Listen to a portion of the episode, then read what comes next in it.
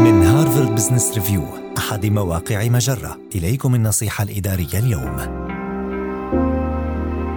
تمهل عند كتابة رسائل البريد الإلكتروني. أصبحنا نستخدم البريد الإلكتروني أكثر مما مضى.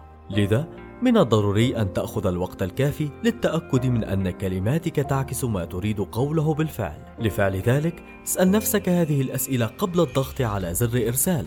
أولا هل رسالتي موجزة أكثر مما ينبغي؟ يجب التأكد من مشاركة أي تفاصيل مهمة في رسالتك، فهذا سيوفر عليكما الاضطرار إلى توضيح الأمور لاحقا. ثانيا، هل هناك أخطاء إملائية؟ رسائل البريد الإلكتروني غير المتقنة تجعلك تبدو وكأنك مشغول لدرجة أنك لا تمتلك الوقت لمراجعة ما كتبته.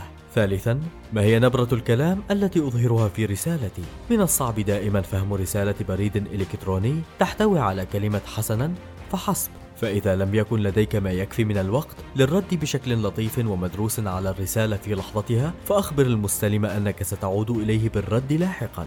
وأخيرا هل سيكون من المفيد التحدث بدلا من إرسال رسالة؟ إذا تلقيت رسالة بريد إلكتروني غامضة أو محيرة فقد يكون إجراء مكالمة هو أفضل طريقة لحل المشكلة. هذه النصيحة من مقال تمهل واكتب رسائل إلكترونية أفضل.